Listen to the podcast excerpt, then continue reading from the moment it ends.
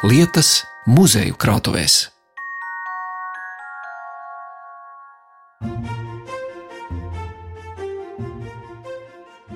Ja viņa iedzimtā un dzīves gājuma veidota daba nebūtu bijusi apbruņota ar humora gaismu un vairogu, pēc daudzajiem sitieniem un grūdieniem, ko viņš saņēma kargados, viņš nebūtu varējis piecelties tik spēcīgi visā savā fiziskajā un garīgajā augumā.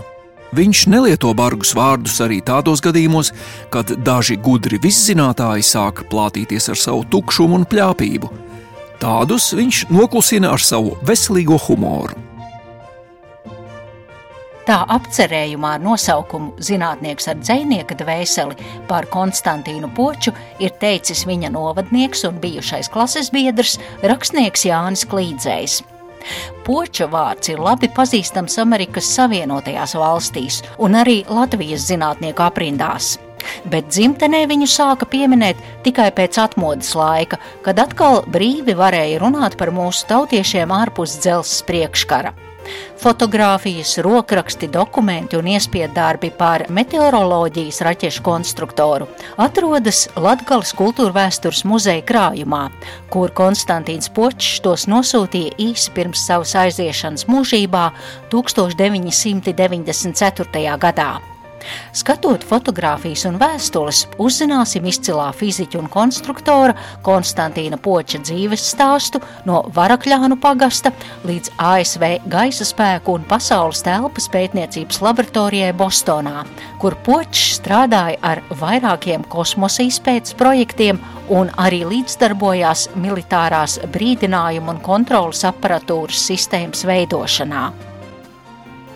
Jā, te ir krāsaina fotografija, mm -hmm. kur viņš ar savu kolēģi Arizonas mm -hmm. tūkstnesī 68. gadā arī ar trim raķetēm. Konstantīnam divas raķetes ir rokās un kolēģim viena. Latgales kultūra vēstures muzeja galvenā krājuma glabātāja Renāte Vancāne rāda fotogrāfijas no Konstantīna Poča darba gaitām, kad viņš strādāja ASV gaisa spēku pētniecības laboratorijā. Tolaik neviens vēl nezināja, ka šobrīd saistībā ar karu Ukrainā gan tur, gan Baltijas valstīs tiks īpaši pieminētas agrīnās brīdināšanas un ziņošanas un kontrolas lidmašīnas savak, kuras uzrauga kustību gaisa telpā. Šo lidmašīnu izstrādē savi nopelni ir arī Konstantīnam Počam.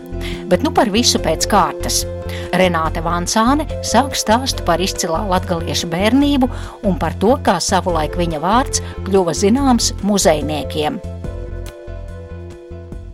Patiesībā informācija par Konstantīnu Poču pie mums muzejā nonāca 90. gadu sākumā. Tas stāsts ir tāds, ka mūsu kādreizējā kolēģe, kura jau šobrīd ir aizsaulē, Vera Bistrova, savulaik mācījās Reizeknas valsts komercskolā. Un viņai fizikas skolotājs bija Konstantīns Počs. Un tad, kad Vera Bistrova strādāja pie grāmatas par Reizeknas valsts komercskolu izdošanas, viņa mēģināja sazināties ar Konstantīnu Poču, tur Amerikā, lai iegūtu kādu informāciju par to periodu, kas ir bijis viņam Rēzeknē, lai šī grāmata tiktu papildināta. Un tā vārds pa vārdam, rakstot vēstules, gan eh, Vera Konstantīnam rakstīja savam skolotājam, gan Konstantīns šeit uz muzeju sūtīja vēstules. Un ir arī nedaudz fotografijas. Tātad, tad, kad eh, notika šī sarakste ar mūsu muzeja darbiniece Vera Bistrova, viņš saprata, ka viņam ir arī jāsūta vispār par sevi fotografijas un materiāli. Un tā mēs pamazām sapratām, tātad, cik nozīmīga personība ir šis Konstantīns Počs, bet varbūt mēs to tā nemaz nenovērtējām līdz tam brīdim, kad sākās teiksim, Krimas aneksija. Un tad tikai mēs uzzinājām, ka patiesībā tas, kas sargā arī to mūsu gaisa telpu, Latvijas gaisa telpu, tas ir tikai pateicoties, nu ne gluži tikai Konstantīnam Počam, bet viņš ir viens no tiem zinātniekiem, kurš ir izstrādājis šo radaru, kas atrodas šai avakru lidmašīnai uz astes, jā, kas kontrolē apkārt gaisa telpu. Un, jā, un tikai tagad mēs to spējam novērtēt. Es tev, mīļā Vēra, esmu no sirds dziļumiem pateicīgs, ka tu mani ievilki muzeja plauktos. Nebūtu tevis, nebūtu arī tur mans vārds, nedz mani paveiktie darbi zinātnē, jo biju nodomājis pēc darba pabeigšanas visu iznīcināt, jo maz kam tādas zinātnes interesē. Kas jauns reizeknē, bet no dieva puses neraksta, jo markas esot ļoti dārgas. Cerams, ka ar laiku saimniecība uzlabosies, ja tik vien pratīs valdīt. Cerēsim, ka saima glābs, ja nezaks. Tā Konstantīns Počs raksta Latgales muzeja darbiniecei Verai Bistrovai 1993. gada martā un sūta uz šejienu materiālus par savu darbu. Bet nu atkāpi tālākā pagātnē, kad Rēzeknes apriņķa Varakļānu pagasta Maltas Počos tagadējā Viļānu novadā piecu bērnu ģimenē piedzima pastarītis Konstantīns. Dzimis viņš ir 1912. gada 27. februārī. Ģimenē ir pieci bērni. Viņš ir jaunākais no bērniem. Viņam vēl ir trīs brāļi un viena māsa.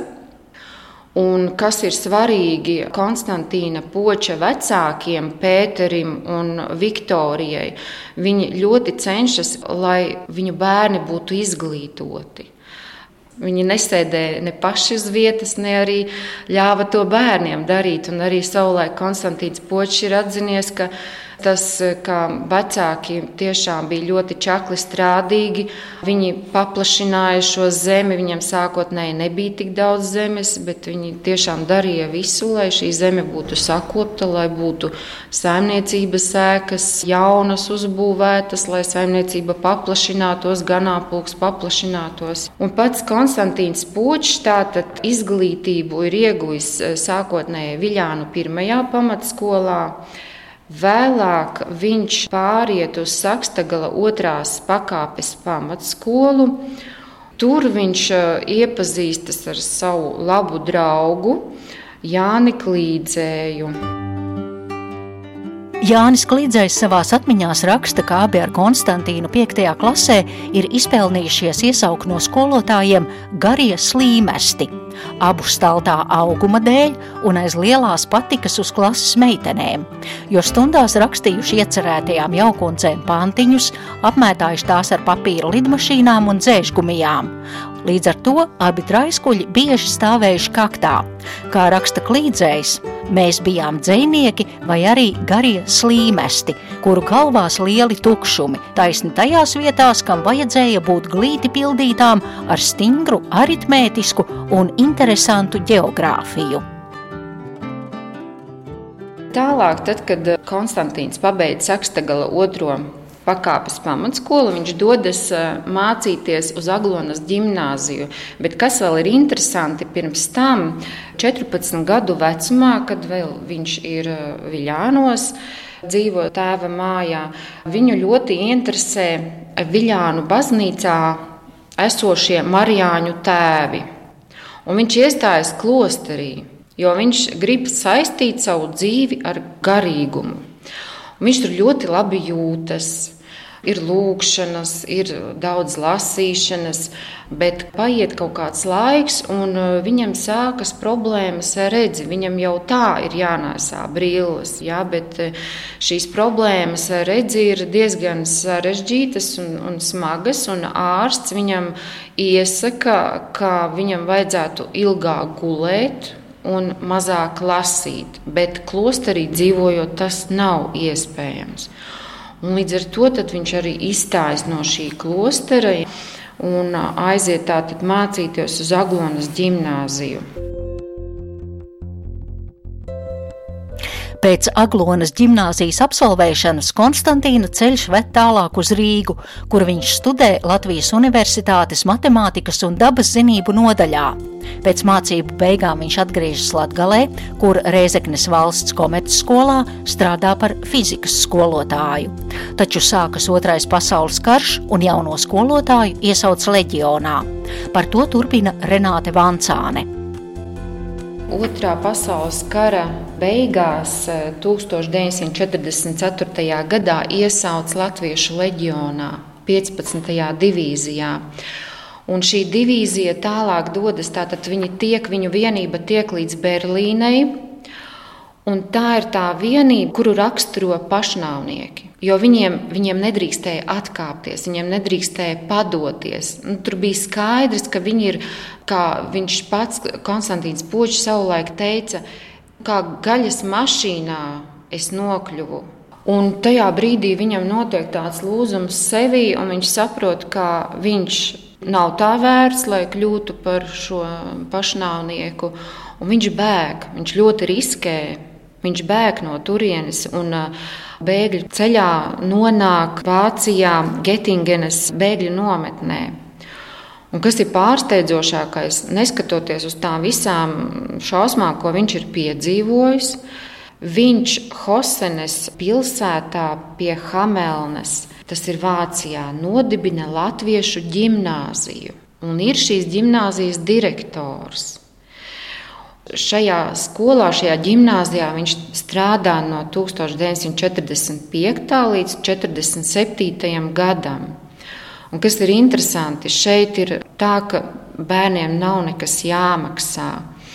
Un, lai šo gimnāziju uzturētu, viņš organizē dažādās nometnēs filmu demonstrēšanas, un ar to pelna naudu.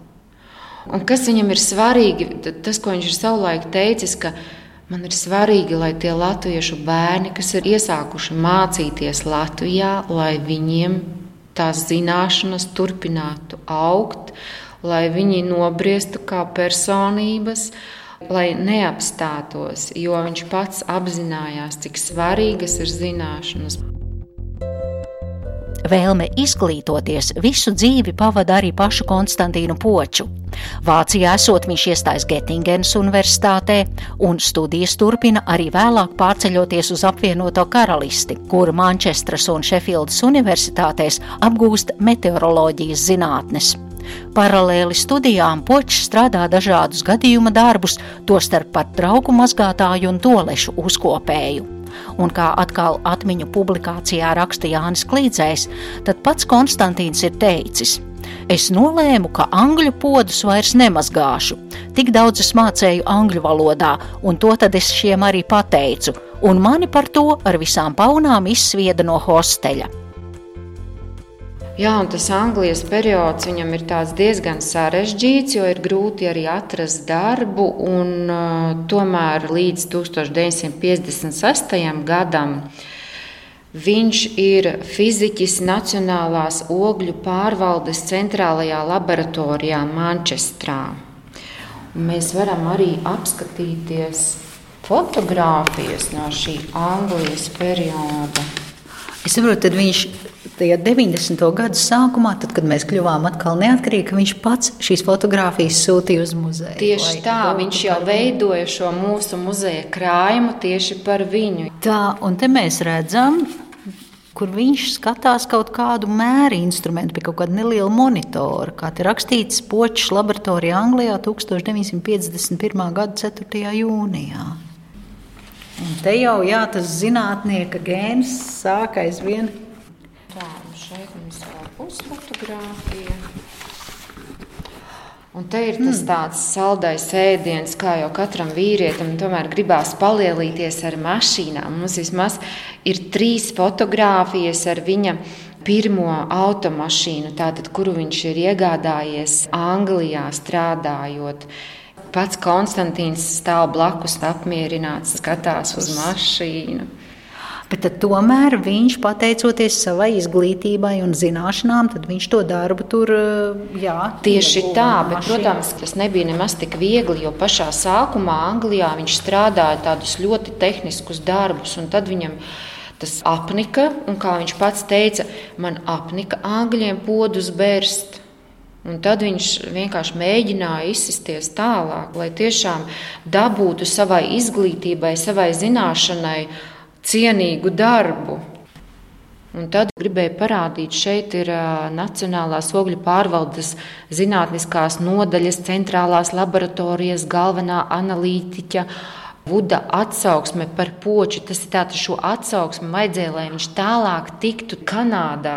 Rekomendācija. Jā, viņš raksta, ka pēdējo četru gadu laikā viņš pazīst tātad Konstantīnu Poču un darbojies plašā zinātnes laukā parādījis sevi kā enerģisku, centīgu, strādādams bieži vien grūtos darba apstākļos, labprāt uzņemas atbildību un darba grūtības uztver ar brīnišķīgu humora izjūtu, ļoti labas attieksmes ar darba biedriem. Iesaka poču darbam, kurā noderētu viņa spējas, iniciatīva, godīgums, kā arī izcilā humora izjūta. Ja pamanījāt, tad Latvijas kultūra vēstures muzeja galvenā krājuma glabātāja Renāte Vancāne pieminēja Kanādu, jo pārceļoties uz turieni, Konstantīns Počs turpina studijas fizikā un meteoroloģijā, un 1958. gadā aizceļojot uz Amerikas Savienotajām valstīm, izglītošanās minētajās jomās turpinās. Jā, un tas ceļš uz Ameriku patiesībā nav bijis nemaz tik viegls, jo tātad viņš dzīvo un strādā Kanādā trīs gadus. Un tad beidzot, 1958. gadā viņš saņem atļauju, ka drīkst emigrēt uz Ameriku. Un tur viņš paralēli inženiera darbam Massachusettsā studē, atkal studē atmosfēras fiziku un meteoroloģiju Teksasas Universitātē.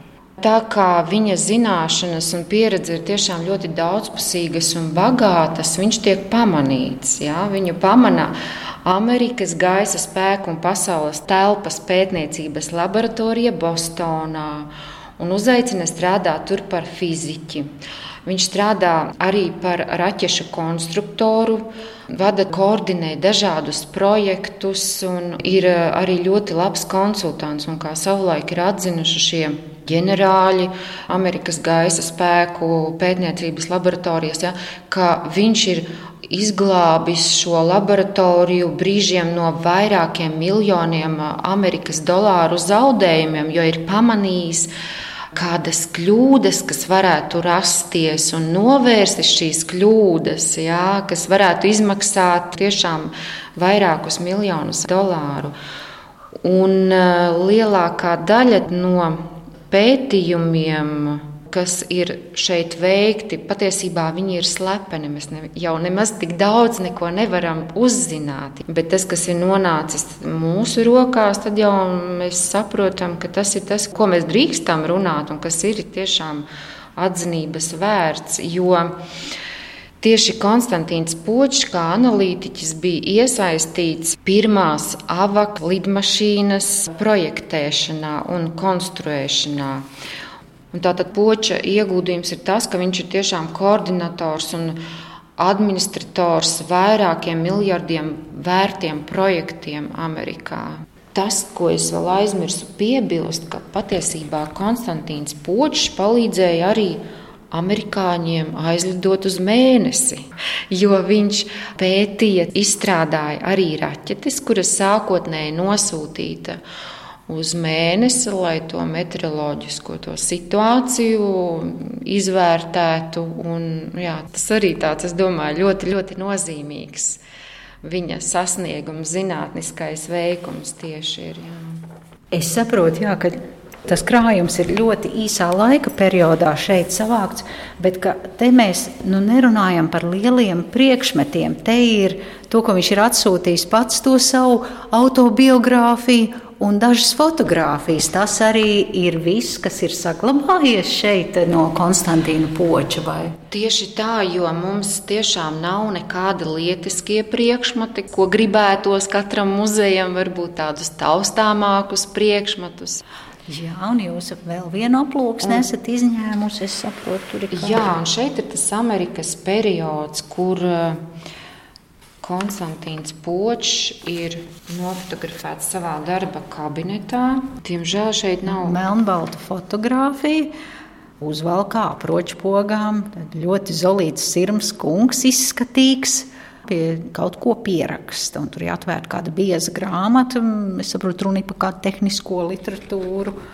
Un redzam, kaut kādas diagrammas jā, tās mm. priekšā arī grāmata ar diagrammām. Jā. Tātad par eh, Konstantīna Poča veikumu tieši Amerikas gaisa spēku laboratorijās, meteoroloģisko raķešu attīstīšanā, kā arī eh, radara uztveršanas spēju uzlabošanā. Ir rakstījuši ļoti daudzi Amerikas arī žurnāli. Nu, tie ir tādi speciālie pētījumu izdevumi, un arī uh, viņš mums tos ir arī atsūtījis. Un, uh, tāpat tās viņš ir aktīvi rakstījis savas publikācijas, zinātniskās publikācijas, savulaik arī tajā trimdas eh, izdevumos, kā piemēram šeit tehnikas apskatā. Viņa tātad pētījums mazo raķešu loma pasaules telpas pētniecībā. À, te, un te Konstantīns Počs Bostonā nolasīts 4. latviešu Zinātnieku kongresā varētu būt jā. 1976. gada 1. augustā Monreālā. Atmosfēras pētīšanai, kas nodarbinājusi cilvēku prātus jau vairākus gadu simteņus, nepietiek vienīgi ar labāku instrumentu attīstīšanu. Ir nepieciešama instrumentu pacelšana augstākos gaisa slāņos, ko pēdējā laikā izdara ar mazajām jeb meteoroloģiskajām raķetēm. Šodien cilvēks nav apmierināts ar to, ka zina, kas atmosfēras apakšējā slānī izsauc lietu, sniegu, vētras un negaisus. Šos dabas fenomenus izpētīja jau pagājušo triju pauģu laikā.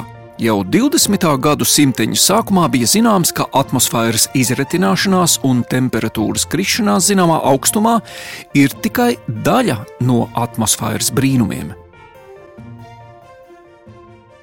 Un, un te varbūt arī var apskatīties, kā šīs raķetes eh, tātad tika mēģinātas. Eh, te viņš ar modeli raķetes. Jā, tas ir 1900. 66. gadā Arizonas tūkstnesī bija tātad vairākas šīs bāzes vietas eh, laboratorijai, kur izmēģināt šīs raķetes. Un tad tiešām ir redzams tūkstnesis, apkārt ir smiltis un tāds taisns tur veida betonēta pamatne, uz kuras ir eh, metāla iekārtas, ierīces, kurās, acīm redzot, iestiprināt šīs raķetes. Un, Konstantīnam Počam ir rokās tāda balta raķete. Viņa augumā varētu būt. Nu, jā, izskatās, ka tāds milzu zīmols, bet nu, mēs runājam par kādu raķetes modeli. Staltais smaidīgais latgalietis par savu veikumu ir saņēmis vairākus Amerikas Savienoto Valstu gaisa spēku ministrijas apbalvojumus, bet šķiet pašam Konstantīnam Počam viena no lielākajām atzinībām bija goda doktora grāts, ko viņam pagājušā gadsimta 90. gadu sākumā piešķīra Latvijas Zinātņu akadēmija. Ilgi nerakstīju, lai gan augustā paziņoja, ka man esot piešķirts diploms – Nevarēja izdomāt, kas tas par diplomu un kas to bija piešķīris. Bostonieši gan bija kaut kur lasījuši un nāca un pasveica, bet kas un par ko man īstenībā nebija zināms. Tad vienā rītā no Rīgas paziņoja, ka man esot piešķirts doktora grāts.